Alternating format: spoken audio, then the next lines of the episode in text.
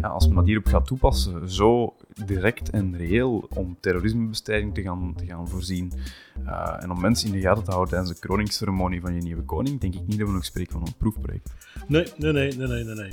nee. en um, ja, men, men zal wel gekeken hebben en gezien hebben van, goh, in Antwerpen doen ze dat bij 37.000 mensen, dat kan beter. Um, ja, ja, inderdaad.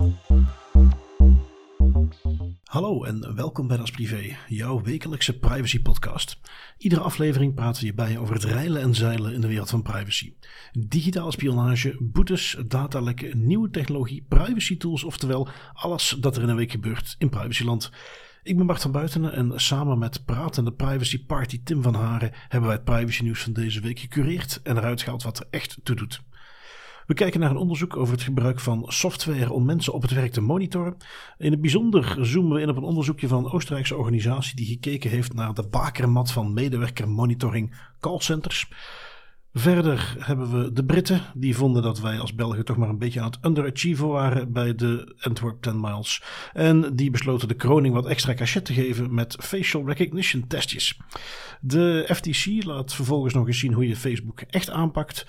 We kijken nog naar schadevergoedingen, een Nederlands algoritme, datalekken, boetes. Alles erop en eraan voor een goede aflevering. Dat is privé.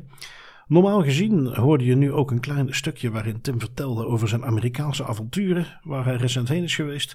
En hoe vaak hij stilletjes Thank God for GDPR moest mompelen terwijl hij daar eh, bezig was. Ehm, helaas zit er niet meer in. Ga er maar vanuit dat het heel erg vaak was. En we gaan gewoon door met uh, eerst de updates die we hadden meegenomen. En uh, één update die ik had meegenomen die ging over het Vlaams datanutsbedrijf. Het, uh, de officiële voorstelling heeft plaatsgevonden. Men heeft een event georganiseerd waarin het datanutsbedrijf formeel is gelanceerd. En uh, vervolgens heeft men er ook een nieuwe naam geïntroduceerd. Het Vlaams datanutsbedrijf heet geen Vlaams datanutsbedrijf meer, maar heet tegenwoordig Atumi. Nou, dan ga je natuurlijk ook een uh, klein stukje navragen. Wat betekent dat eigenlijk, Atumi? Mm -hmm. En ja, kennelijk zei men daar van ja, nee, uh, niks. Uh, gewoon, daar kwamen we mee op de proppen, klonk leuk. dat bekt goed, ja. Ja, meestal zit daar toch wel iets van een marketingteam achter die daar een hele kekke naam voor verzonnen heeft. Um, ik kon me dat eigenlijk niet voorstellen. Ik dacht, weet je wat, ik ga dat ook eens even opzoeken. Mm -hmm. um, nou, toch niet heel veel zoeken. Ja, het enige wat ik even moest doen is zorgen dat alle artikeltjes van de laatste week eruit waren. Want dat was inderdaad de eerste vier pagina's ja, van Google. Ja. Dus misschien dat ze daar niet doorheen kwamen. Maar in ieder geval, ik kom meteen op de pagina uit van een wijnhuis. Dat Atumi heet. Okay. En die meegeven dat in het Etruskisch Atumi het woord voor no, uh, adel is. Nobility. Mm -hmm.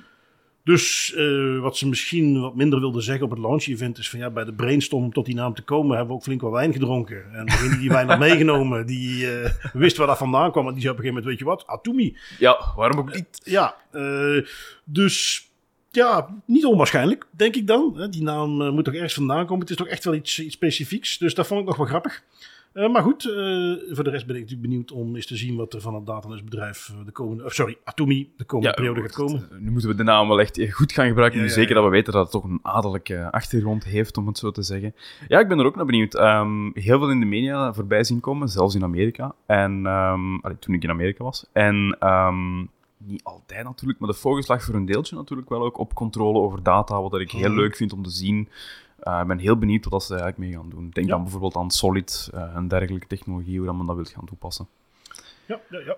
Dat is goed. Iets wat wij natuurlijk zeker zullen opvolgen. Ja. Um, ander updateje. Uh, de politie kan kennelijk zo hard niet zonder TikTok dat ze er speciale telefoons voor krijgen. Je had hem meegenomen. Ja, we proberen om het nog zo weinig mogelijk over de TikTok-verboden die her en der de kop springen te hebben, want het is een beetje oud nieuws. Maar dit vond ik nog wel interessant. Uh, het is de Nederlandse politie die heeft besloten van oké, okay, TikTok mag niet meer op uh, telefoons van medewerkers die geïnstalleerd worden en gebruikt worden. Maar ze zien natuurlijk nog het nut in van TikTok bijvoorbeeld voor uh, opsporingen, voor onderzoeken, voor marketing en dergelijke. Het zijn veel verschillende facetten. Dus wat hebben ze nu besloten? Um, ze gaan een aantal gsm's, specifiek TikTok-phones bij wijze van spreken, voorzien voor agenten die daar gebruik van mogen maken. Oké, okay. nou kijk eens aan. Dus Volledig nog, afgesloten. Mogen concluderen, TikTok onmisbaar voor de Nederlandse politie. Voilà, essentieel deel van de maatschappij. En een beetje in hetzelfde, in het verlengde daarvan. Um, Google ja, kijk, het was natuurlijk al lang bekend. Als je een gratis Gmail-account had, dan worden ook je e-mails zelf worden gemined. Ja. Daar haalt men data uit, dat uh, is voor de reclame. Um, nu gaan ze nog één stapje verder. Uh, nu krijg je in de inbox zelf, waar je natuurlijk al wel eens boven of onder wat zien krijgt, maar nu krijg je in de inbox echt geïntegreerd tussen de lijst met mailtjes. Er staat dan in het klein wel ad voor, dus in Hmm. die zin zijn ze te herkennen. Maar dus je krijgt nu de ads die gewoon lijken op mailtjes. Oh, Ja. oké. Die staan er dan gewoon tussen. ook. Ja, ja, ja. Hm. dus eh, goed, opnieuw, er staat ad bij. Ehm, dus wellicht als je het helemaal weet dat je erop voorzien bent. Maar wat ik vooral smichterig vind, is dan is het natuurlijk ook in de modus, dan moet je die ook echt effectief op red gaan zetten, want die gaan ongetwijfeld meetellen in je Ja, in red. Hè, want ze willen die notifications, ze willen je zoveel mogelijk laten interageren met die app. En dan zul je ze ook moeten verwijderen. Dus ehm, ja, toch weer een stapje verder. Ja, en, en als je inderdaad met dat mechanisme ziet van ze- je moet ze lezen, je moet ze openen, dan kunnen ze ook naar, hun naar de mensen die de advertenties kopen, kunnen ze dat weer rapporteren van oh ja, kijk, hè, die, die advertenties worden geopend en gelezen, terwijl er eigenlijk waarschijnlijk niets mee gebeurt. Dus ook daar, dat ecosysteem, allee, Right. Zit ook weer al zo wrang in elkaar, in mijn ogen. De moment dat je dat opent, ja, dat telt als een read. Dus Ja, ja, ja. Dan kunnen ze inderdaad, markt as red, hoppakee, Voilà. conversie. het ja, werkt, ja. jongens, het werkt. Ja, terwijl dat eigenlijk misschien toch niet Ja, het dat is een goeie. Had ik nog niet bedacht, maar dat zal ongetwijfeld eh, meetellen. Ja, ja, ja, inderdaad. Die zit ergens op de featurelist erbij. Nu goed, dat waren wat eh, updatejes. Ehm, ik heb eh, een onderzoekje meegenomen. Eh, er is een, eh eh, ja, vent die ik al heel lang op Twitter volg. Ehm, die heet Wolfie Christel. Mhm. Fantastische voornaam. Ehm, Wolfie. Komt uit Oostenrijk. Eh, Oostenrijk kennelijk toch een beetje ook de bakermat van eh, privacy-activisten lijkt het Zeker wel. Ehm, Cracked Labs heet de organisatie. Ja, je ziet hier niet veel voorbij komen, maar omdat ik die vent volg, zag ik dan van hun nu een rapportje was gepubliceerd. Mhm. En dat rapportje, ehm, ik weet niet goed waar het vandaan komt. Het is iets waar ik volgens mij ja, een maand of twee geleden, waar eh, weet ik het, de mensen van de tafel van vier aan het rondbellen waren, van Ja. wie daar iets over kon vertellen. Omdat ze daar toen ook een item over wilden doen, hebben ze uiteindelijk niet gedaan, omdat het toch allemaal wel mee leek te vallen. Ehm, maar het, het onderzoek naar de technologie en waar het al wel ingezet wordt, dat is dus wat Crack Labs nu heeft gedaan. En die kwamen dan vooral bij callcenters uit. Oké. Eh, callcenters die al wel van oudsher bekend zijn om het feit dat ze hun medewerkers natuurlijk heel erg monitoren. Ehm, in die zin dus niet heel veel nieuws, maar ik moet zeggen, door het onderzoek te lezen en er doorheen te gaan wat ze allemaal hadden en op wat voor manieren die mensen echt opgevolgd worden en gepusht worden en zelf genudged worden om zo hard mogelijk en zoveel mogelijk te werken, vond ik toch wel opvallend. Ehm, wat dingen die ze opnoemen, eh, je hebt natuurlijk de, de en- en vooral moet je in gedachten houden hoe alles en eh, op iedere manier, alles wat die doen, gemonitord en gepusht wordt om die maar zo hard mogelijk te laten werken. Ehm, uiteraard heb je de gewone KPI's die ze moeten halen, targets, eh, natuurlijk ehm, rangschikkingen die gepubliceerd worden binnen het callcenter, wie het goed doet, wie het slecht doet. Mhm. Eh, de dashboards die eh, continu overal te zien zijn. ehm, waarbij ook bepaalde dingen geselecteerd worden. Omdat je dan een speciale coaching sessie gaat krijgen. Dus dat detecteert men ook weer. Je krijgt real-time feedback. Dus zodra je een telefoontje hebt neergelegd. Dan komt er al een pop-upje die jou informatie geeft. Dus non-stop, continu, continu, continu worden die gepusht en gevet eh, met allerlei mechanismes. Ehm, natuurlijk krijgen ze ook te zien wat de anderen doen. Dus er zit in die zin worden ze extra gepusht. Er zit een aspect in van public shaming, omdat er dan getoond wordt wie het natuurlijk niet goed doet. Om ze op die manier bij te houden. Er zit een eh, mechanisme in, in die software om eh, punten toe te kennen. Een beetje, denk Chinees credit core system, maar dan het ecosysteem van de callcenters. Ehm, je hebt het idee, eh, en opnieuw, je kunt dat op manieren doen, want ja, het is een callcenter. Mensen gaan continu bellen. Dat is nu helemaal hoe het is. Ja. Maar hoe ze dan kennelijk in die software de queue, de, de rij laten zien, is ook weer op zo'n manier opgezet dat je gepusht wordt om zo snel mogelijk, zoveel mogelijk er doorheen te duwen.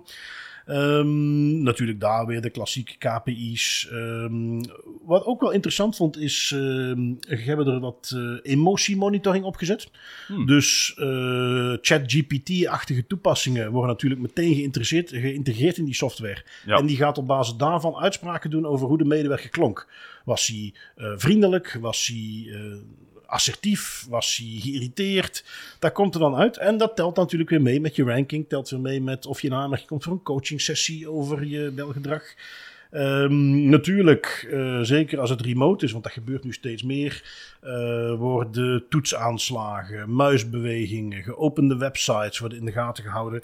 Ehm, vervolgens zitten er uh, systemen in om de, de shifts zo efficiënt mogelijk in te delen. Uh, om vooral ook bij te houden wat voor breaks iemand had. Om uh, ervoor te zorgen dat ze natuurlijk dus zo flexibel van de kant van de werkgever, niet voor de werknemer, zo mm -hmm. flexibel dat het hun uitkomt worden ingepland. zonder dat, het, dat ze goed verlof krijgen. Um, de forecasting mechanismes die erin zitten, die ook weer pushen. Nou ja, de lijst gaat door. Het is echt, ze hebben echt de klassieke software van die callcenters meegenomen. Um, ja, als dit een, een glimps biedt in wat voor software men dan ook in bredere context wilt gaan inzetten. Uh, zeker met thuiswerken. Um, ja, dat, dat, vond ik nuttig als achtergrond, laat ik het zo zeggen. Ja, ja en, en natuurlijk typisch dat die wens om dat overal te gaan inzetten er is. Ik vind dat ergens ik vind dat heel wrang. Het is, het is, uiteraard verbaast het mij ook niets dat men dan nu eerst gaat testen of inzetten in callcenters. Want dat is typisch zo'n werkomgeving waar dat de medewerkers, ja, um, zonder het echt cru te willen benoemen, maar sneller vervangbaar zijn. En dus daarom ook niet altijd de mogelijkheden hebben ja. om in protest te gaan of te zeggen van kijk jongens, uh, wow, dit kan niet, dit gaat echt veel te ver, wat dat in mijn ogen ook is. Het is een soort van dystopische gamification eigenlijk bijna, met ja, die leaderboards ja, en die punten dat je eigenlijk creëert. Um, als men dat wilt gaan, en dat is wat ik er zo wrang aan vind, in een callcenter, dat gebeurt en daar komt weinig protest tegen, want die mensen ook goed genoeg weten van ja, als ik hier zeg van dit kan niet, dan vlieg ik gewoon de deur uit en Mm. vervangt er iemand mijn stoel. Er zijn er tien die mijn plaats kunnen innemen. Ehm, ik denk dat als men dat in een, in een andere soort kantooromgeving, bij consultants of dergelijke bijvoorbeeld, wilt gaan doen, dat men dan wel eens op meer protest kan gaan stuiten, wat dat ook logisch is. Hè? Dat is ik vind dit te ver gaan. Ehm, ik denk dat er ook heel veel geld in wordt gestoken en ik vraag me af wat dat daar het rendement van is, of wat men daar effectief daarmee de efficiëntie van de mensen verhoogt. De, de, allee, ik denk maar is, burn-out rates bijvoorbeeld, als je continu wordt opgejaagd door een artificiële intelligentie of door een computer die zegt werk harder, werk harder, werk harder. Ja, dat is, dat, dat is ook niet dat toffe, dat is ook niet positief voor, voor mensen die vatbaar zijn voor dergelijke stress. Nee, nee, en het is... Kijk, vaak bij dat soort dingen kun je nog argumenteren van... ja, maar door het op deze manier aan te pakken, jongens... gaan mensen inderdaad sneller in een burn-out zitten... zitten ze meer ziek thuis. Je gaat daar eigenlijk... Uh, op korte termijn lijkt het alsof je mensen pusht om harder te werken... Ja. maar op lange termijn heb je daar niks aan. Probleem met deze callcenters... of uh, zoals ze dan natuurlijk af en toe genoemd worden... service centers... is dat die... Dat zijn op hun beurt ook weer uh, maar gewoon inhuur. Hè? Die, Ja. dan de grote bedrijven, zo heel dom voorbeeldje, maar waar ik misschien dat het heel evident was, maar ik weet dat het mij toen verraste. Ehm, verschillende, ja, als je auto krijgt, zeker auto van de zaak, daar zit een verzekering bij. En als je dan ergens iets hebt, pech, dan bel je op en je komt bij zo'n callcenter uit. Ja. Ehm, aardig wat auto's van de zaak gehad, ook bij verschillende werkgevers, andere verzekeraars. En op een gegeven moment merkte ik van, verrek, ik kom iedere keer, dat, zijn gewoon datzelfde callcenter. Want het was identiek hetzelfde scriptje. Het was echt precies hetzelfde. En dan blijkt dus inderdaad dat al die verschillende merken dat gewoon allemaal uitbesteden aan één en hetzelfde callcenter. Um, en, en dan merk je dus dat die, die, die push rond burn-out en um, alles wat als bedrijf je ertoe zou kunnen aanzetten om mensen daar toch beter in te behandelen, dat valt dan weg. Hè? Ja, Um, dat is waar. Dat is waar. Dat ligt ook een beetje in het verlengde van een heleboel andere industrieën. Hè. De, zo van die zaken zoals callcenters of service desks, om die dan te gaan outsourcen, vaak Ja. naar een land wat een, wat een hoog niveau van eh, werknemerswelzijn niet echt prioriteit nummer één is. En daardoor eigenlijk ja, een beetje de hand afhouden. Denk maar aan Typisch, eh, wat we bij Amazon-achtige bedrijven Ja, zien, exact. die geen enkele chauffeur meer in dienst hebben. Exact. Dus ja, goed. ehm, vooral benieuwd, want dat is ook wat ze nog. Dit onderzoek, dit was nu vooral dus onderzoek naar de verschillende technologie die ingezet wordt. En, en wat voor functies die heeft en hoe die gebruikt worden. Eh, ze gaan nog een vervolg uitbrengen waarin ze nog wat meer in detail gaan kijken Mhm. naar hoe dit in Europa effectief wordt toegepast. Oké, Ehm, interessant. dus dat is interessant om op te volgen. Eh, dan zal wel meer duidelijk worden in hoeverre dat dit nu echt iets is wat ook buiten die sector specifiek eh, nog terugkomt. Ehm, iets wat toch zeker, en, en dat misschien een kleine das privé, das beter eraan te koppelen. Als jij als medewerker bij een organisatie weer gaat beginnen of je werkt er ehm, rond remote work. Hè, dat is iets wat nu veel na corona Mm. veel gebruikelijker is geworden. Want Ja. zelfs bij een heel aantal mensen dat ze zeggen ik wil geen baan meer die dat niet aanbiedt. Groot gelijk. Wees altijd bedachtzaam of er niet ergens zo'n soort technologie wordt eh, gebruikt. Ehm, officieel, ik denk dat werkgevers even de GDPR-achtergrond het al moeilijk gaan krijgen om dat überhaupt verkocht te krijgen. Al doen ze het zo netjes mogelijk, hè, dat ze Ja. er transparant over zijn, noem maar op. Dat dat eigenlijk juridisch al niet kan. Maar vooral organisaties die er natuurlijk niet transparant over gaan zijn. Hè. Kijk eens even naar wat draait er allemaal op mijn laptop. Toch eh, interessant om in de gaten te houden eh, als het om remote work gaat. Ehm, goed, speaking of in de gaten gehouden worden. er is in Groot-Brittannië kennelijk een eventje geweest dit weekend. Ehm, Ja, ja inderdaad. eh, de, sommige aandachtige mensen zullen het misschien opgewerkt hebben. Het is sommige mensen voorbij gegaan, maar er is een nieuwe koning in Brittannië, in Groot-Brittannië. De King Charles. En dat gaat altijd gepaard met een hele grote kroningsceremonie. Hè. Daar, daar komt heel veel bij kijken. Er zijn ook heel veel mensen die komen kijken naar die ceremonie, dat ook belangrijk vinden. Ehm, en zij waren niet de enigen die keken. Ehm, zij keken naar de koning en tegelijkertijd waren er eigenlijk camera's die keken naar hun. Want eh, de Metropolitan Police, die om de paar jaar komen die met een proefprojectje van Live Facial Recognition, LFR. Ehm, wat dat eigenlijk neerkomt op technologie die op live beelden wordt ingezet om mensen te herkennen. En ja, om de paar jaar doen ze zoiets. Ze hebben al op een festival in 2017 al gedaan, waar er een honderdduizendtal Britten eh, in beeld werd gebracht en de gezichten van werd gescand. En nu dacht men wel, die kroning, ehm komen heel veel mensen op af. Het is potentieel ook een scenario waar we een verhoogd niveau van beveiliging moeten kunnen voorzien. Laten we dat daar ook eens op gaan toepassen. Er zal niemand bezwaar op hebben. Dat is gemakkelijk. En eh, wat zo geschieden. Dus facial recognition, er is een proefprojectje dat heeft gelopen tijdens de kroningsceremonie van King Charles, waarin dat dus een heleboel Britten die daar niet van op de hoogte waren, ook in beeld zijn gebracht. Uiteraard, hoe kan het ook anders, ehm, onder het mom van terreurbestrijding en, Mm, en, tuurlijk, en tuurlijk. protestbestrijding en dergelijke. Ehm, ik vind dat een beetje een, een zorgwekkende trend. De Metropolitan Police doet dat al jaren, al s- minstens sinds 2017. En dat begint nu langzaamaan meer en meer te worden onder het mom van proefprojecten toch best wel grote, eh, uitgebreide facial recognition toepassingen gaan inzetten. Ehm, ja, ik zou hier eigenlijk zelfs niet meer spreken van een proefproject, om heel Nee. eerlijk te zijn. Het is een gemakkelijke manier om, om een aantal dringende vragen nog even af te wimpelen. Van, we zullen het dan wel bekijken als het een echt ding wordt, maar ja, als men dat hierop gaat toepassen, zo direct en reëel om terrorismebestrijding te gaan, te gaan voorzien eh, en om mensen in de gaten te houden tijdens de kroningsceremonie van je nieuwe koning, denk ik niet dat we nog spreken van een proefproject. Nee, nee, nee, nee, nee, nee. Nee, nee en ehm, ja, men, men zal wel gekeken hebben en gezien hebben van, goh, in Antwerpen doen ze dat bij 37.000 mensen, dat kan beter. Ehm, Ja, ja inderdaad. Het is, het is een van de. Of het is zelfs volgens sommige eh, mensen die ook geïnterviewd werden in het artikel van The Guardian dat we daarover hebben meegenomen. Ehm, dat zijn mensen die spreken van de grootste eh, surveillance-toepassing van facial recognition technologie in Europa. Het doet me denken, eh, scoop wil ik het niet noemen, want daarvoor klinkt het veel te spannend. Maar eh, iets waar ik mee bezig ben om binnenkort over, ja, hoe moet ik het noemen, publiceren, een rapportje van maken. Is bij alle politieke partijen in Vlaanderen gaan vragen wat hun standpunten rond privacy zijn. Ehm, dat hebben we nu op ingezet. Ik, ben contact, ik heb contact gezocht met al die politieke partijen. Ehm, Mhm. Dat valt nog niet mee.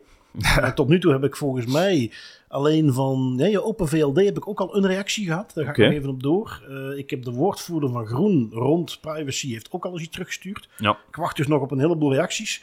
Ehm, want dit soort dingen, dat, dat, dat gebeurt steeds vaker. En, en we zien dat we echt een beetje op een kantelpunt staan. Ook met de AI-act die dit soort dingen wilt gaan verbieden. Eh, we staan op een kantelpunt van gaat dit nu... En in de UK kunnen we wat dat betreft dus gelukkig vergeten. In die zin, dat is Ja. Europa. Dus dat is niet meer het, het leidend Klopt. voor- voorbeeld. Ehm, maar we staan op een kantelpunt dat dat soort dingen steeds breder ingezet gaan worden. En als je dus voor de komende verkiezingen... Zo kijk ik tenminste naar. ehm, politieke partijen. Ja, er is niet één partij waar ik helemaal van denk van... Nou, die, dat is nou eens helemaal mijn lijn. Eh, Mhm. Die zal er ook ongetwijfeld ook nooit komen. Dus dan kijk ik maar gewoon even naar hetgene wat mij het meest interesseert. Privacy. Nou, dat is het doel wat ik ga doen met die eh, guide die we gaan opstellen voor de politieke partijen. En eh, ja, dan gaan we dus kijken wie is er tegen gezichtsherkenning, wie is er voor. Nice. Ik durf al wel een voorzetje doen welke partij voor is. hè. Met ehm, een burgemeester in Antwerpen die dat toch al aangeeft hoezeer die pro is. Maar goed, we zullen zien. Hè? Wie weet wat het formele standpunt In ieder geval, als je dat dan interessant vindt en je wilt op die manier daar aan, naar kijken om het tegen te gaan houden, wordt dat misschien nog interessant. Ehm, want ja, inderdaad, in de UK laten ze nog maar eens eventjes zien hoe ze dat breed kunnen uitrollen. Mhm. Ehm, door naar Amerika, de FTC. Iedere keer valt weer op. We, we hebben net gehad. Ja, vertel me al hoe privacy daar veel lager op de agenda staat, dat Mhm. je daar veel minder rechten hebt. Langzaamaan komen er in de verschillende Amerikaanse staten komt er wel privacywetgeving, maar het is echt een lappendeken waarbij Ja. het iedere staat weer verandert. Ehm, als wij hier zeggen van ja, ja, je hebt de GDPR wel en dat is wel eh, een verordening die in heel Europa geldt, maar dan per lidstaat zijn er toch nog variaties. Nou, Amerika doet er rustig nog een schepje bovenop natuurlijk, omdat het er al, wat is het, 51 zijn of 50. Ja. Ehm, maar ook omdat het nog eens eh, echt flink kan variëren eh, per status. En die hebben geen overkoepelende wetgeving. Nu goed, dat gezegd zijnde, op federaal niveau af en toe pakken ze het eens een keer aan. De FTC heb ik er nu bij gepakt. een publicatie van de FTC zelf op hun website. Waarbij ze eh, ja, Facebook nog eens aanpakken. Mhm. Ehm, ze pakken er een stukje historie bij. Ook als ze het eh, beschrijven. Zeggen we, ja kijk, in 2012 hebben we toch gezien dat, dat Facebook loog over hoe het met gegevens omging. Eh, ja, ze noemen het dan, zij noemen het niet liegen, ze zeggen misrepresentation. Ja, Eh, maar typisch goed, Amerikaans ook. Liegen. ehm, Misrepresentation, Your Honor. ja, in ieder geval, eh, toen hebben ze dus een bevel gegeven. Ja, jullie moeten dat gaan corrigeren, je moet dat beter gaan doen. Eh, ze volgen dat ook op. In 2020 hebben ze het dan eh, gedaan. En hebben ze vastgesteld dat binnen een paar maanden Facebook het al aan, hun laars gelapt had. Oké. Ehm, zijn ze dus gaan opvolgen. Ehm, wij hebben toen, ik denk net niet, want dat was, eh, toen waren wij nog niet begonnen met de podcast. Maar toen hebben ze dus een boete van 5 miljard opgelegd. Ja. Het soort boete wat wij stiekem hier in Europa, we hebben er al best een paar flinke gegeven, maar 5 miljard zitten wij nog lang niet aan. Ehm, dus het is soort boete wat eh, Facebook echt wel voelt. Maar niet alleen dat. Er zat ook een nieuw bevel aangekoppeld richting Facebook. Jullie moeten een privacyprogramma op gaan tuigen. En dat betekent dat als jullie wijzigingen doorvoeren, dat je impact assessments moet gaan uitvoeren. Dat je persoonsgegevens beter moet beveiligen. Facial recognition moet je gaan beperken. Dat was nog in die tijd dat Facebook voor het eerst begon met het automatisch taggen van mensen. Mhm. Dat was toen nog iets dat ze dachten van, oh, leuke feature. Zonder even na te denken over de risico's. Hè. Dus zoals in die context dat ze zeiden van, dat eh, mag niet meer zo. En een onafhankelijke assessor, die moet om de zoveel tijd, gaat die dingen controleren bij Facebook. Mhm. Nou, 2020, ondertussen 2023. Die assessor heeft zijn assessing gedaan. En heeft besloten, nope, doen ze nog steeds niet goed.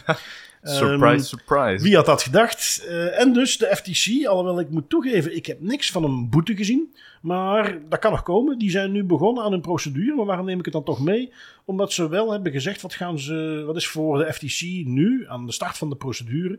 Facebook mag nog antwoord gaan geven en dan gaat er een beetje back and forth komen. Ja. Maar hun uitgangspunt is dat ze Facebook weer nieuwe dingen gaan opleggen. Eén daarvan, een compleet verbod om op de een of andere manier geld te verdienen aan de data van min 18-jarigen. Oh. Dus die kan tellen. Ehm, waar dus kennelijk die impact assessments niet genoeg waren. Ze nu gaan zeggen van kijk, als jullie een nieuwe eh, feature willen lanceren, dan moet de privacy assessor, die moet daar eerst toestemming voor geven.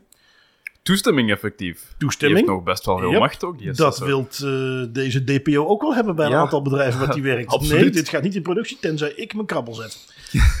Omgekeerd, vergis je niet. Er zijn mensen, eh, ongetwijfeld een heleboel, die zeggen van... nou, doe mij dat maar niet, want dat is iets te veel druk op mijn schouders... waar ik niet achter wil staan. Ehm, maar goed, eh, je ziet wat ze willen. Ehm, alle gezichtsherkenning verbieden, tenzij expliciete toestemming van eh, de betrokkenen. Oké. Ehm, en het privacyprogramma wat er al was, nog wat uitbreiden met eh, extra training en nog wat extra extern toezicht. Dus ja, al met al eh, laten ze eventjes zien als dit er op deze manier ook effectief uiteindelijk uitkomt naar Facebook toe. Ik vind dat best wel netjes. Ja, dat is best wel netjes. Dat is niet een beetje in lijn met wat de FTC nu al voorbij anderhalf jaar, denk ik, echt aan het doen is. is zich, die beginnen zich meer te profileren als toezichthouder van privacy op federaal niveau. En die beginnen zich ook een beetje klaar te stomen. Er is nog altijd heel veel discussie rond, maar er is een, een voorstel voor een federale privacywetgeving in de Verenigde Staten, waarin dat dan... niks meer van gehoord. Nee, dat is even stilgevallen, maar dat is blijkbaar nog altijd wel een ding dat, waar het over onderhandeld wordt. Ehm, waarin dat de FTC ook zal worden aangeduid als de toezichthoudende autoriteit. Dus die beginnen zich ook wel klaar te stomen en je ziet dat ook. Ehm, maar ik ben er... Ik sta wel verbaasd van de hoeveelheid macht en autoriteit, eigenlijk een beetje typisch Amerikaans natuurlijk Ja. ook, die, die, die controle eh, over private entiteiten die ze hebben. Ik vind dat heel cool. En langs de andere kant, voor Facebook, dat gaat een gigantische uitdaging zijn. Hè? Want een uitspraak zoals bijvoorbeeld, hè, je mocht geen eh, data van minderjarige personen meer gaan verwerken voor bepaalde doeleinden, of gewoon niet meer. Facebook kampt al heel lang, naar eigen zeggen ook, met het probleem dat zij niet goed weten welke data waar zit en op welke manier het dat verwerkt wordt. Dus als ze dan plotseling zo'n beslissing gaan krijgen, ben ik heel benieuwd hoe dat ze erop gaan reageren en hoe ze dat gaan doen. Ja. Want ja, die, die, ze hebben dat zelf al een, paar keer gezegd, zowel in interne documentatie die gelekt is, als in hoorzittingen als dergelijke.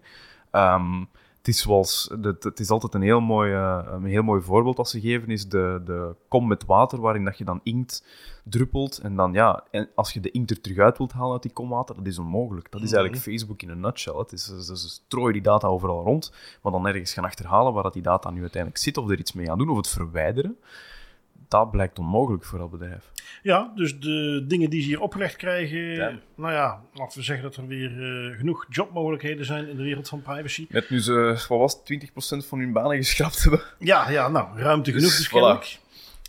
Ehm, goed, in dezelfde lijn hebben we dan nog eventjes wat TikTok. Ehm, ja, net TikTok al, omdat de politie niet zonder kan. Eh, Forbes publiceerde iets. Ik wil hem kort even meenemen, want eigenlijk is het iets waarbij je denkt als je het leest, oké, ja, been here, done that. Mm. Ehm, maar het is iets waar eh, de CEO van eh, TikTok, toen hij ook in zo'n hoorzitting zat in het congres, heel specifiek had gezegd, ik quote hem eventjes, we do not promote or remove content at the request of the Chinese government. Oké. Dus ja, dat was dat. Eh, wat heeft Forbes nu ja, op de een of andere manier binnengekregen? Ze zeggen dat we hebben een, een, een, hoeveelheid interne documenten gekregen. En in die interne documenten komt onder andere naar voren een lijstje met alle ehm, woorden die verbannen zijn. Ehm, woorden die eh, volgens de instructies in die documenten letterlijk meteen verwijderd moeten worden als ze uitgesproken worden. Ehm, het mag je niet verrassen, dat is het klassieke lijstje. Alles wat heeft negatieve woordjes over de overheid, de partij moet eruit gehaald worden. Ze hebben lijsten met overheidsinstellingen die er tegenin zitten. Uiteraard de gewone Oeigoeren context, waarbij ik het nog Ja. saillant vond dat ze een aparte categorie hadden voor huwelijken tussen een Oeigoer en een klassieke Han-Chinees. hè, De, de- Oh, wauw. Ja, als je ja. het even heel cru mag zeggen, de standaard Chinees. Ja, Eh, want daar moet dan zo ook meteen onderdrukt worden. Want dat mag natuurlijk niet naar buiten komen. Dat dat eigenlijk heel normaal is. Ehm, ze hebben dan ook weer eh, kill word lists. Hè, dus die woorden die er meteen uitgehaald moeten worden. Nou ja, wat we al langer gehoord hebben. Maar wat dan toch extra in de context van die CEO. Die zei van ja, nee, maar er is een gigantisch verschil tussen het Amerikaanse deel en het eh, Chinese deel. Wat TikTok Amerika eh, als feedback geeft, is van ja, die lijsten die zijn nooit toegepast in de Amerikaanse variant. Eh, Als wij zoiets zouden willen doen, dan moet er altijd eerst toestemming voor gegeven worden door een van de compliance mensen binnen de Amerikaanse Ja. afdeling. Ik geloof er helemaal niks van. Ehm, ik, want daar was ook nog iets wat er trouwens bij stond in die instructies. Niet alleen is er weer een soort stukje censorship in. Eh, het is ook trouwens duidelijk uit die documenten in ieder geval dat dat vanuit China gestuurd wordt. Het moet naar ByteDance Ja. gaan. Daar wordt dat bijgehouden. En mensen die dus woorden die op die lijsten staan, die worden ook eruit gepikt en die data wordt doorgestuurd. Deze Ja. personen hebben op dat tijdstip die en die dingen gezegd. Hou even in gedachten iets waar wij een paar maanden geleden, denk ik, ook al eens in de podcast hadden. Het feit dat eh, China een soort van onofficiële politiekantoortjes heeft over heel de wereld. Hè, waar mensen Ja, die dan gestalkt worden en achtervolgd worden in het buitenland als ze kritiek hebben. En te horen krijgen van, hé, je hebt toch nog wel familie in China zitten. Weet je wel dat eh, je erop moet letten dat er goed voor hun gezorgd wordt. eh, hè, Mhm. dat soort eh, dingen. Ehm, en dan, ja, dan, dan ligt het helemaal in de lijn van wat men daar altijd al doet. Dat ook dit soort lijstjes en het op die manier doorsturen van die data naar eh, China. Ja, dat, ja, ik geloof het meteen, laat ik het zo zeggen. Uiteraard, ik ben geen insider, maar dit klinkt helemaal niet ver gezocht. China gonna China, hè? dat Ja. is eigenlijk wat Ja. het op neerkomt. Ja. Ehm, als ik het zo hoor. Ja, dat is, het verbaast me ook absoluut niks. Het is iets dat volledig in lijn ligt met wat dat China doet. Ehm, het actief onderdrukken van bepaalde informatie die China als staat, als entiteit in een slecht daglicht stelt. Het is niet de eerste keer en het zal ook, ook- zeker ook niet de laatste keer zijn dat ze dat doen. Zij het door eh, bepaalde termen en bepaalde onderwerpen op TikTok te onderdrukken of bepaalde evenementen te proberen saboteren. Er zijn genoeg voorbeelden van waar Ja. dat effectief al tot de realiteit is gekomen. Ja, ja, Dat men heeft gezien, oké, China wil niet dat bepaalde kennis breed aan in het eh, publiek terechtkomt. Ehm, ik vind dat interessant. Wat ik heel graag, we gaan dat waarschijnlijk nooit kunnen zien, wat ik heel graag ook eens zal zien, is ehm, de, de killlists en de censuurlijsten van de Chinese variant. Want dit, is, dit gaat over TikTok. Dit is de, de variant van, van het gelijkaardige Mhm. platform dat in China wordt gebruikt. Maar dan, dit, is, dit gaat over TikTok, de plat- platform voor de westerse markt, bij Mhm. wijze van spreken. Voor de mensen die niet in China wonen, die niet eh, de Chinese taal spreken. Wat dat ook ehm, al heel vaak is, is aangehaald, dat dat eigenlijk een volledig ander platform is. De manier waarop die content gepusht wordt, die Mhm. algoritmes, welke Ja. content dat erop zit. Ik zou heel, ik zou heel hard willen weten ehm, hoeveel erger het nog is in, in China met hun eigen platform. Ja, nee, inderdaad. Het doet me even denken, we hadden het laatst over dat we nieuwe stickers moesten gaan maken. Ja. Ehm, ik weet niet waar we er misschien qua context bij moeten zetten. Want gewoon een sticker met China Gonna China is... Dat is misschien niet meteen duidelijk dat we Oh. Politiek daar echt puur het privacy stukje mee bedoelen. Ja. Ehm, maar eh, wel eentje die toch inderdaad wel heel erg vaak eh, terugkomt. Ehm, wat hebben we nog? Ja, meestal de, laat ik zeggen, wat meer hardcore juridische privacy dingen nemen we niet altijd mee in de podcast. Dat is iets waar wij natuurlijk Nee. wel vaak mee bezig zijn. Maar is niet altijd voor iedereen die privacy interessant vindt, eh, relevant. Ehm, deze op zich wel, want we hebben het al vaak genoeg over het aspect van eh, schadevergoedingen in de context van de GDPR. De GDPR die in tegenstelling tot de wetgeving daarvoor het voor het eerst mogelijk maakt dat je ook immateriële schade wilt kunnen claimen. Ja. En het is precies die context waar het Europees Hof nu eh, deze week een uitspraak over heeft gedaan, die dat een beetje zou moeten verduidelijken. Jij hebt hem meegenomen, Tim. Wat vindt men vanuit het Europees Hof? Ehm, ja, om dan meteen een beetje context te geven. Er was een eh, rechtszaak tussen de Oostenrijkse post en een Oostenrijkse burger. Ehm, en die draaide om een, een soort enquête, een soort onderzoek dat de Oostenrijkse post sinds 2017 uitvoert om politieke opvattingen van personen in kaart en in beeld te brengen. Ehm, dus er worden persoonsgegevens verzameld, verschillende demografische criteria, en op basis daarvan wordt dan eigenlijk een ja, een, soort voorspelling gedaan van jij eh, bent meer links georiënteerd, jij bent meer rechts georiënteerd. En er was een Oostenrijkse burger en die kreeg dus ook die assessment. Die had daar nergens toestemming voor gegeven of zo, naar eigen zeggen. En die kreeg de assessment dat hij een eh, zeer harde neiging had naar het extreemrechtse eh, spectrum van de politiek. Die man was daar weinig verrassend niet van gediend. En die heeft een klacht ingediend. Eh, die zei van ja, ik, heb daar, allee, ik ben het vertrouwen kwijt in de Oostenrijkse post. Ehm, ik, ik voelde mij eh, daar niet goed bij, ook bij die assessment. Eh, en, en voor immaterieel letsel dat hij daardoor zogezegd zou Mhm. geleden hebben, vroeg hij een schadevergoeding van 1000 euro aan de Oostenrijkse post. Oostenrijkse post ging daar niet in mee. Dat is dan in een aantal rechtbanken eh, de revue gepasseerd. Kwam uiteindelijk bij het eh, Hof van Justitie van de Europese Unie terecht. Uh, want wat, het, wat de Oostenrijkse post als, als argument aanhaalt is wel... Oké, ja, immateriële schade, 1000 euro, maar is dit niet een beetje te pietluttig, bij wijze van spreken? Is dit niet te laag om te spreken van immateriële schade? Gewoon iemand die zich slecht voelt bij de assessment die wij geven. En dan kwam inderdaad de vraag op van... Ja, wanneer is nu eigenlijk iets uh, claimwaardig, bij wijze van spreken? Wanneer is het de moeite waard om iets te claimen? Is er een, is er een ondergrens? Is er een bovengrens? Wanneer, Mhm. wanneer gaan we dat kunnen doen? Ehm, zeker als het gaat over, over eh, gevoelsmatige schade, privacy, dat, dat komt wel vaak in die vaarwateren terecht. Dus dat is, ik vond dat een heel terechte vraag. Ehm, nu, het Hof van Justitie van de Europese Unie was daar heel duidelijk in. Er is geen ondergrens voor een schadeclaim te kunnen indienen. Dus je moet niet een bepaalde mate van schade geleden hebben om uh, een schadeclaim te kunnen indienen ten gevolge van een, uh, ja, een inbreuk op de GDPR-wetgeving. Nu, de, het Hof geeft nog een aantal andere aspecten natuurlijk mee. Ze zeggen niet alleen van, kijk, er is geen bovengrens, dus in principe kan je altijd een klacht indienen en heb je het potentieel dat je die schadeclaim gaat krijgen. Maar ze noemen ook wel drie cumulatieve criteria uh, waaraan moet voldaan worden voor een succesvolle schadeclaim.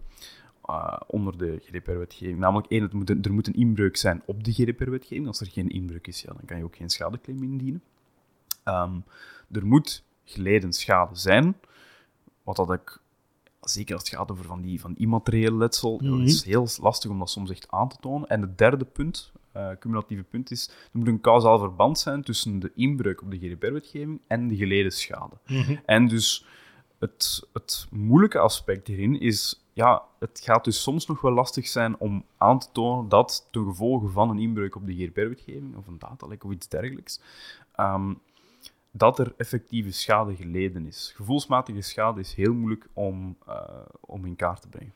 Ja, en um, hier zie je dat men dan ook weer de bal een beetje terugkaast aan de lidstaten. Dat men zegt van ja, wij gaan geen. Ja, er moet een kausaal verband zijn. Ja. Maar tegelijkertijd zegt men dus ook van ja, we gaan daar geen minimum op plakken. Uh, wij willen dat de schade die iemand leidt, moet volledig gecompenseerd kunnen worden. Dus in die zin gaan we daar geen minimum op leggen. Uh, zoiets als van ja, het is te pietluttig. Oké, okay, maar dat mag geen argument zijn. Als iemand schade kan laten zien, dan is er schade. Hoe je die schade dan kunt laten zien, Daar verwijzen we dus voor naar nationale wetgeving. En het is te zeggen, in sommige landen is het veel makkelijker om te zeggen: ik uh, heb nog steeds uh, zwetend word ik s'nachts wakker als ik terugdenk aan dat datalek. En daarom heb ik schade. Oké, alsjeblieft, hier is 10.000 euro. En in sommige landen zeggen ze: nee, doen we niet aan. Jij moet dat kaart kunnen aantonen. Waar zijn de facturen van de psychiater? Om maar iets te noemen. Ja. Uh, waar zijn de facturen van je geneesmiddelen? Die ten grondslag liggen aan de mentale schade vanwege dit mhm. datalek. En dan wordt het dus heel moeilijk. Dus je gaat nu zien en dat is wat ik. Maar goed, nu ben ik aan het speculeren. Um, maar dat is, ja, zo gaat het vaker bij die Europese Hofuitspraken. Ze verhelderen het ene ding en laten vervolgens weer heel veel discussie open bij het andere ding. Dat is waar. Um, omdat dat weer ja, praktisch uitgeklaard moet worden. Um, want wat ga je nu misschien krijgen? Dat jij uh, dus in bepaalde landen waar die threshold veel lager ligt en waar je veel minder zwaar moet aantonen dat je schade hebt geleden, zeker immaterieel, is dat je dus nu uh, weer shopping gaat krijgen van organisaties die zeggen van hé, hey, dit is een organisatiebedrijf wat in heel Europa actief is. Mooi, dan gaan wij deze klacht even specifiek neerleggen vanuit uh, het land waar dat, dat het, ja. het meest waarschijnlijk is. Ja, precies. Um, Omgekeerd ga je dan misschien weer krijgen dat men gaat kijken, als je ergens je gaat vestigen in Europa, dat ze gaan zien van, oh, wie moet onze uh, hoofdautoriteit worden? Want dan willen we misschien nu in een land gaan zitten waar dat soort wetgeving ervoor zorgt dat er heel weinig mm schadevergoeding wordt uitgekeerd. Dus het wordt heel erg interessant om te zien wat nu het, het praktische gevolg is van deze uitspraak. Um, aan de ene kant is er dus, en daar was wel eens wat discussie over, maar het is voor mij niet heel verrassend, wordt er duidelijk gezegd: oké, er moet wel een verband zijn tussen de schade die jij hebt en de schending die je wilt aantonen. Maar tegelijkertijd wordt er dus nog steeds niet gezegd: oké, en, en wat voor soort schade kan het dan zijn en hoe hoog moet die zijn? Um, dus ja, gewoon heel interessant om te zien hoe dit zich vervolgens ontwikkelt. Zeker wetende dat in Nederland, eh, eh vanuit Oostenrijk, dat die bezig zijn met dat soort massaclaims. Um, en die, want uiteraard de mensen die aan de ene kant zitten van het niet willen betalen, die juichen bij deze uitspraak. Kijk maar, er moet een kausaal verband zijn, het is opgelost. En de anderen die zeggen van, ah ja, maar kijk, als dat kausaal verband er is, dan zegt men hier bij het Europees Hof. En iedere mogelijke schending kan in aanmerking komen ja, voor schadevergoeding.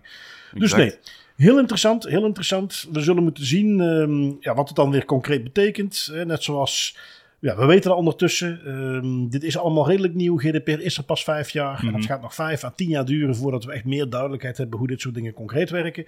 En ik zal zeggen, uh, ik zit met popcorn klaar op het moment dat er eens een keer zo'n class action lawsuit uitgesproken wordt. En waar effectief uh, eh, 100.000 mensen recht hebben op 500 euro. Absoluut. Er zijn er een aantal die lopen nu, die al een tijd lopen, zoals in Nederland. Uh, ja, ik kijk er echt naar uit op het moment dat er eens eentje echt ja, vruchten begint af te werpen. Want nu is dat allemaal nog beetje vloe. Van ja. gaat dat effectief uh, zijn doel treffen of niet? Gaat dat effectief werken of niet? Als dat werkt, kan dat wel eens een, uh, een shift in het landschap teweegbrengen. Ja. ja. Goed, wat hebben we nog? Uh, een algoritme uit Nederland, Nederlandse overheid. Ja, dan voel je hem eigenlijk al komen. Ehm, dat was weer eens een algoritme wat neveneffecten had die je niet wilt. Ja. Kan er eigenlijk geen verrassing meer zijn. Ondertussen hebben we ehm, een algoritme-register in Nederland, uh, waarbij je dit soort dingen zou moeten kunnen bekijken. Uh, dit ging over algoritmes die gebruikt worden voor het toekennen van visa. Uh, dus we hebben dan de minister van Buitenlandse Zaken die daarvoor op het matje werd geroepen. Ik dacht, ah, laten we als we het onderwerp gaan behandelen meteen even kijken wat er dan in het algoritme-register staat. En daar stond helemaal niks in. Uh, ik ah, heb gezocht op Visum, dus dat moet dan eigenlijk toch echt wel dekken. Uh, maar ik kon niks vinden. Dus misschien ja, misschien dat men zegt van ja, we moeten dit visum, of dit algoritme onderzoeken. Dus we hebben hem uit productie gehaald. Dus hoeft hij niet meer in het register te staan. Ik weet het niet. Um, maar konden we in ieder geval niet in terugvinden. Dus dat is jammer. Um, dat gezegd zijnde, waar ging het dus verder over? Het was dus weer een algoritme wat visum aanvragen klassificeerde in een variant. Oké, deze mag je snel afhandelen en mhm. deze moet je wat intensiever gaan bekijken. En dat zat hem dan weer in dingen zoals nationaliteit, taal, leeftijd, je, de klassieker, een aantal parameters, algoritme doet zijn algoritme ding en automatisch komt er dan een snel of intensief uh, uit. Um, de interne privacy toezichthouder bij het ministerie had al vorig jaar aangegeven dat men moest stoppen met het profileren van de visumaanvragen. Had men genegeerd. Um, die toezichthouder die, uh, ja, zei dat natuurlijk uh, discriminatie kan hierdoor in de hand gewerkt worden. Het gebruik is slecht onderbouwd. Uh, men heeft er dan wat onderzoek naar gedaan. Het NRC en een, een, een journalistiek onderzoekscollectief Lighthouse Reports, waarvan wij stiekem zo regelmatig ook wel eens wat meenemen in onze afleveringen, hadden dat dus onderzocht. Um, ik vond nog mooi hoe ze dat dan uh, noemden bij het ministerie van Buitenlandse Zaken. Dit was het uh, informatie ondersteund beslissen. Het IOB. Wauw. Ja, ja, ja. Dat, dat zijn die Nederlanders toch wel goed in, hè? Van Ja, die, ja, ja. mooie, Laten lange titels en acroniemen bedenken. Bij de Belastingdienst was het de fraude signaleringsvoorziening. en Mag- dit is dan het informatie ondersteund beslis. Het is prachtig, vind ik die term. Ehm, en ja, goed. eh, nu is dat dus tot bij de AP gekomen. Die Hmm. heeft, eh, de autoriteit persoonsgegevens heeft nu gezegd dat eh, de minister op het matje geroepen wordt bij de AP. Moet gaan uitleggen hoe of wat. Ehm, bij monden van de AP zijn men nog, en die uitnodiging is niet vrijblijvend. Dus men wil nog eventjes dik aanzetten. Ja, ja, ja, ja, ja. Niet sollen met de AP. Pak ze, Aleid, pak ze. Dus ehm, ja, nee, eh, interessant. We zullen zien wat daar opnieuw weer uitkomt. Wat de AP daar dan misschien nog in het vervolg mee gaat doen. Maar eh, ja, we kunnen het lijstje met algoritmes die eh, fout lopen in Nederland weer aanvullen met een extra vermelding. Ehm, wat hebben we nog? Ja, Uber. We hebben daar een, eh, een CISO. eh, datalek op zich gaan we niet nog eens herhalen. Nee, maar nee. jaren geleden hadden ze die een datalek. De CISO die erbij betrokken was, die had dat een beetje proberen te bedekken. Had dat kennelijk ook bedekt voor het management van Uber zelf. Had dat ook bedekt richting de, ja, het was de FTC of de Security Trade Commission, dat weet ik niet meer. In ieder geval, die had een rechtszaak waar hij zich op mocht verheugen. En daar is nu dan eindelijk een uitspraak in. Ja, ja klopt. Ehm, voor mensen die de afgelopen afleveringen geluisterd hebben, een paar keer meegenomen, dan was er sprake van een gevangenisstraf voor die man, John Sullivan. Dat blijkt nu toch niet het geval. De rechter is mild. Er zijn een aantal verzachtende omstandigheden en hij krijgt in plaats van een gevangenisstraf drie jaar proeftijd en 200 uur taakstraf. Wat dan aanzienlijk mildere straf is dan wat oorspronkelijk eh, gegeven zou moeten worden. Waarom krijgt hij nu die mildere straf? Ah, er zijn een aantal factoren die de rechtbank, die de rechter aanhaalt. Hij heeft een heel eh, mooi papertrail achtergelaten van zijn handeling, ook tijdens het verzwijgen van het datalek, ehm, die blijkbaar ook in zijn voordeel hebben gespeeld. Dus eh, hij heeft bijvoorbeeld in dat papertrail redeneringen achtergelaten dat hij mee onderhandelde met de, de mensen die het datalek hebben gecreëerd, de hackers, om zo meer informatie te verkrijgen over de bende eh, achter het lek.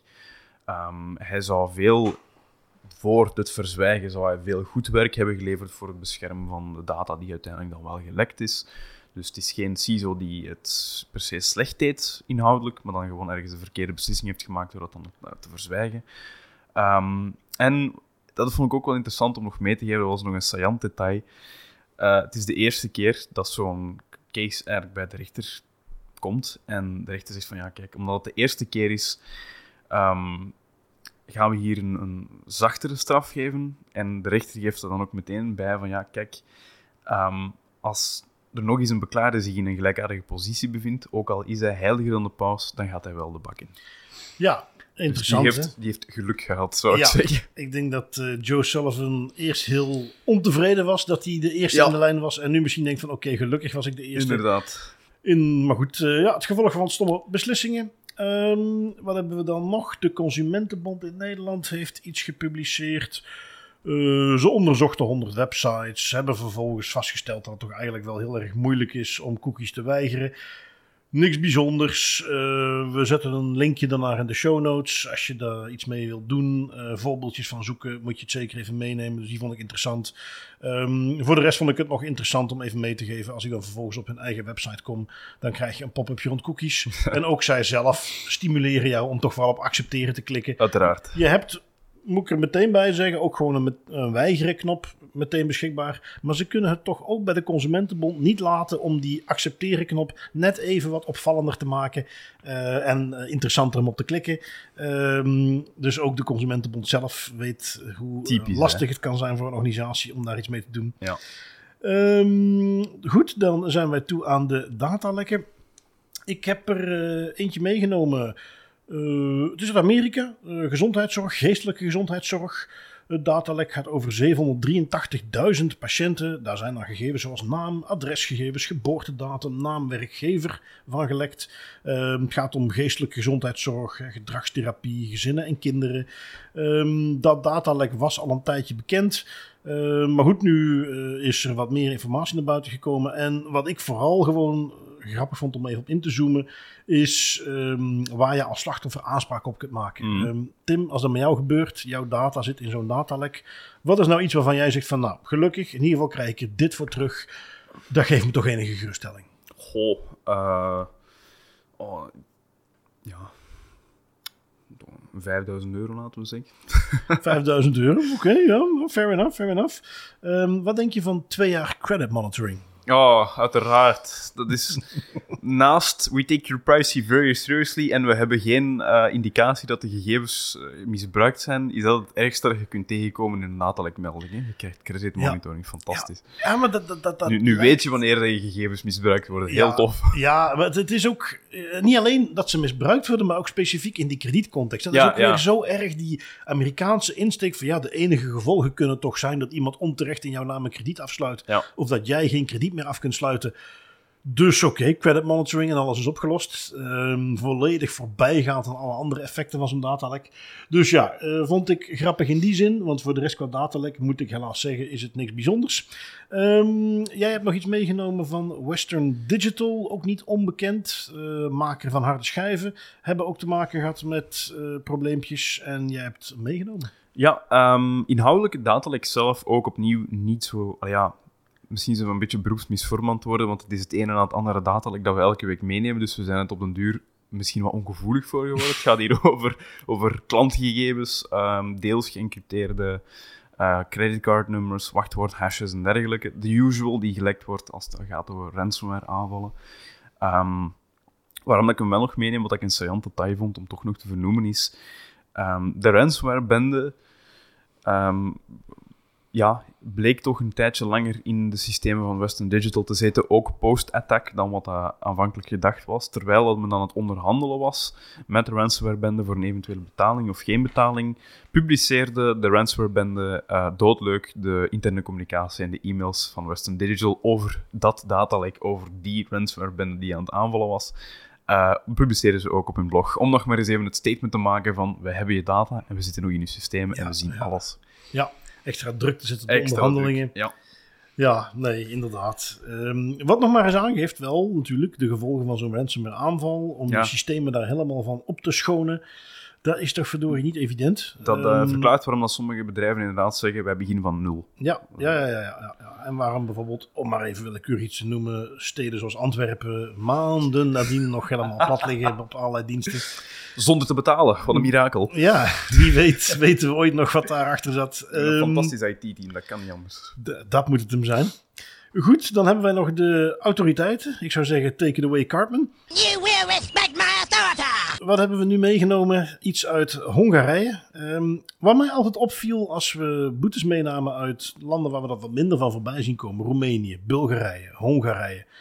Is dat dat altijd redelijk lage boetes zijn. Ja. Nou, deze keer dacht Hongarije, we gaan eens goed uitpakken. Uh, okay. Aldi, Duits bedrijf. Die Duitsers zijn zo goed bezig met privacy. Nou, we gaan die eens eventjes een serieuze boete geven. Aldi in Hongarije heeft namelijk 253.000 euro boete gekregen. Ik moet zeggen, ik vond het een beetje...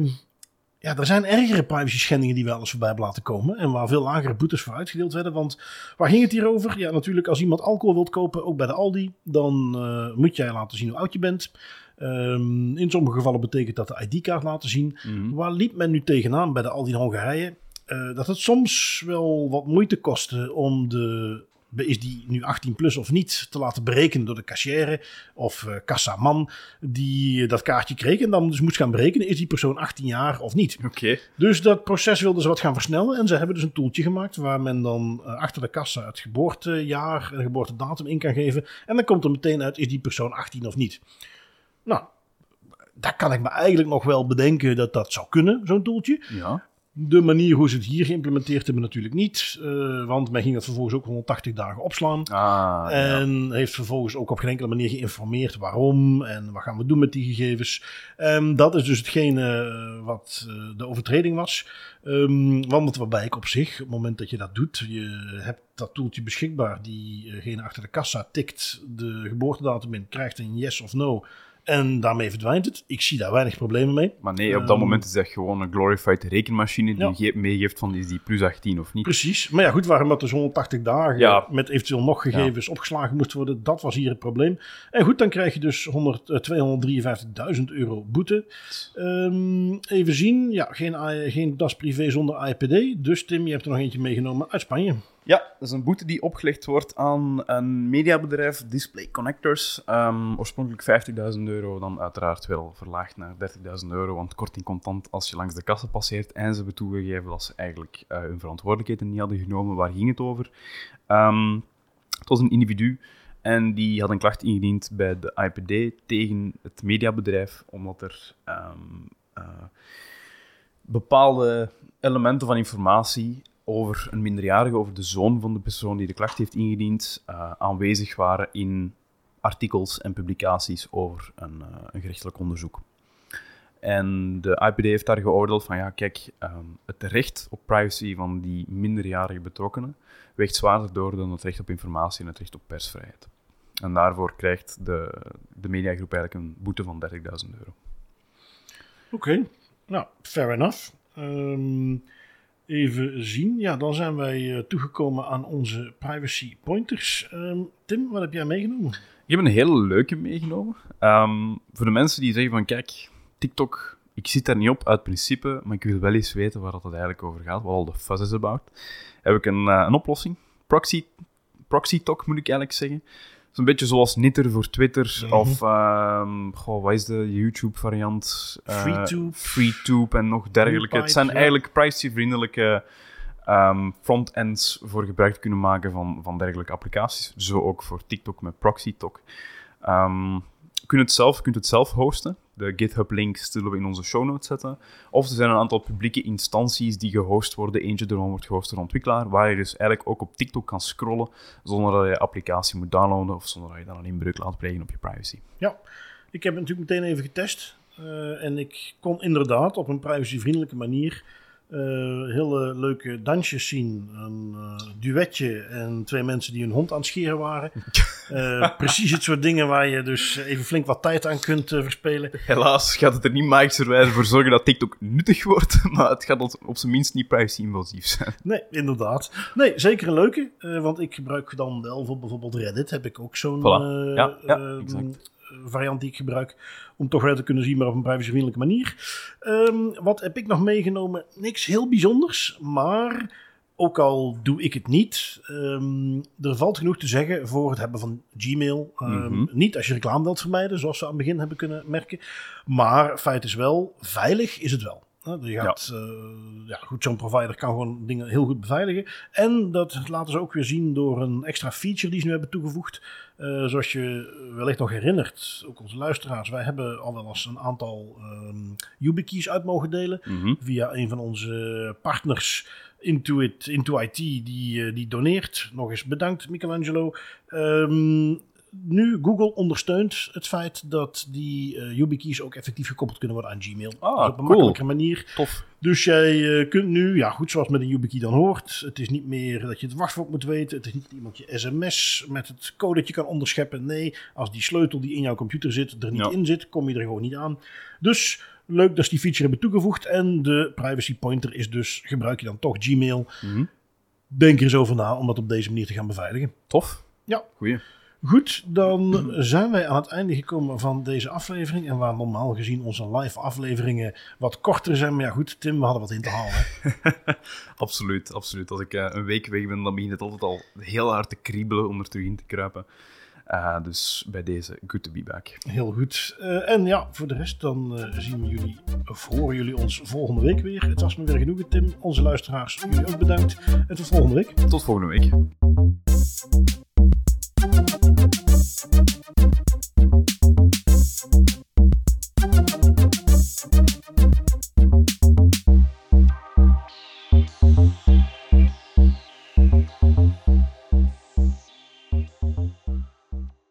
Want ik zit er dus gewoon naast, Tim. Jij hebt net gekeken. Het is maar 53 minuten. Ja, ja, inderdaad. Ik eh, dacht eigenlijk dat we al veel langer bezig waren, maar inderdaad, voor één keer zijn we eens veel sneller klaar. Nou, misschien praten we gewoon sneller als het live is. Dat is ook wel eens leuk. Ja, dat is wel altijd zo. Eh, elke keer als we live opnemen, zie ik dat we toch rond de 5 à 10 minuten verschil hebben met een live-opname. Mm, Misschien oké. dat dat ook te maken heeft met de latency als wij digitaal opnemen.